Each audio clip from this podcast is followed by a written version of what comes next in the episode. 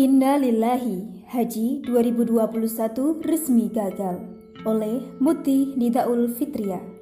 Kabar mengejutkan datang dari Kementerian Agama Republik Indonesia yang secara resmi mengumumkan pembatalan ibadah haji pada Kamis 3 Juni 2021.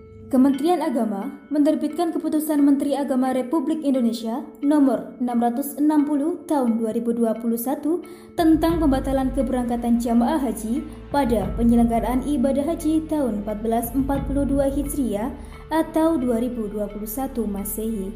Menak mengatakan pertimbangan itu merupakan hasil komunikasi dari hati ke hati dengan DPR RI, alim ulama, pimpinan ormas Islam, dan tentu dengan penyelenggaraan haji dan umroh khusus. Juga berdiskusi panjang dengan KPIH. Maka, keputusannya, keberangkatan jamaah haji dibatalkan. Diumumkan bahwa alasan utama dibatalkannya pemberangkatan jamaah haji 2021 adalah karena pandemi COVID-19 yang masih melanda dan membahayakan para jamaah haji. Jadi, pembatalan dilakukan adalah untuk menjaga keamanan, keselamatan, dan kesehatan para jemaah haji dari Indonesia. Selain itu, Menak Yakut Khalil juga telah menyebut pemerintah Arab Saudi belum memberikan kepastian terkait kuota 1,8 persen jamaah haji dari Indonesia. Mestinya, kepastian itu disampaikan Arab Saudi pada 28 Mei yang lalu.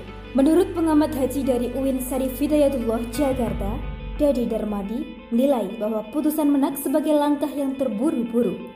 Masih ada ruang berdialog atau cara lain, karena Arab Saudi belum mengumumkan secara resmi dan sebenarnya masih terbuka peluang bagi Indonesia untuk mendapatkan kuota dari 60.000 jamaah yang diizinkan Arab Saudi, 45.000 jamaah dari luar negeri, dan 15.000 dari dalam Saudi. Tentu kabar ini akan melukai hati para jamaah haji Indonesia. Benarkah alasan dibatalkannya itu karena pandemi COVID-19? Padahal tahun 2020 saja diselenggarakan dengan menerapkan protokol kesehatan secara ketat dan Indonesia mengirimkan seribu jamaah haji. Lalu, kenapa hari ini sudah dengan resminya dibatalkan? Bahkan jika dibandingkan dengan perjalanan ke luar negeri atau perjalanan internasional, selain Arab Saudi masih bebas dilakukan. Pun sebaliknya, Indonesia masih menerima WNA untuk masuk Indonesia di masa-masa pandemi ini. Sudah menjadi rahasia umum jika dana haji rakyat Indonesia yang terkumpul selalu melebihi target. Dan ironisnya, dana tersebut selalu direlokasikan untuk investasi menyokong perekonomian negara. Padahal itu adalah uang rakyat, dan itu uang khusus untuk ibadah.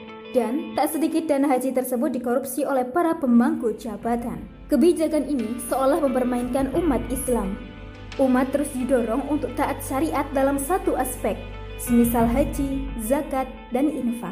Namun, ketika dana terkumpul malah dimanfaatkan untuk berbagi kepentingan politik yang licik ala sistem demokrasi kapitalis. Rakyat kecil terus dikenjot untuk gotong royong bangun perekonomian negara. Sedangkan para pemangku kebijakan melakukan korupsi, ongkang kaki, menikmati fasilitas, dan kenikmatan hidup. Sungguh kezoliman yang nyata. Saat umat Islam yang loyal terhadap agama itu, mereka ingin taat syariat dan menerapkan syariat Islam secara kafah dan ingin menerapkan sistem politik Islam, justru tak pernah luput dari persekusi, fitnah, dan adu domba sana-sini.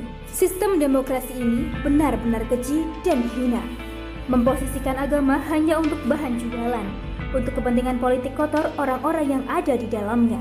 Maka, seharusnya peristiwa-peristiwa ini cukup membuka pikiran kita. Begitu banyak tanda-tanda kedoliman yang telah menimpa kita. Masihkah kita akan berharap pada sistem yang bobrok ini? Sungguh, selama sistem demokrasi kapitalisme ini tegak, umat Islam dan ajaran Islam akan selamanya terhina. Maka, Mari menjadi umat yang satu.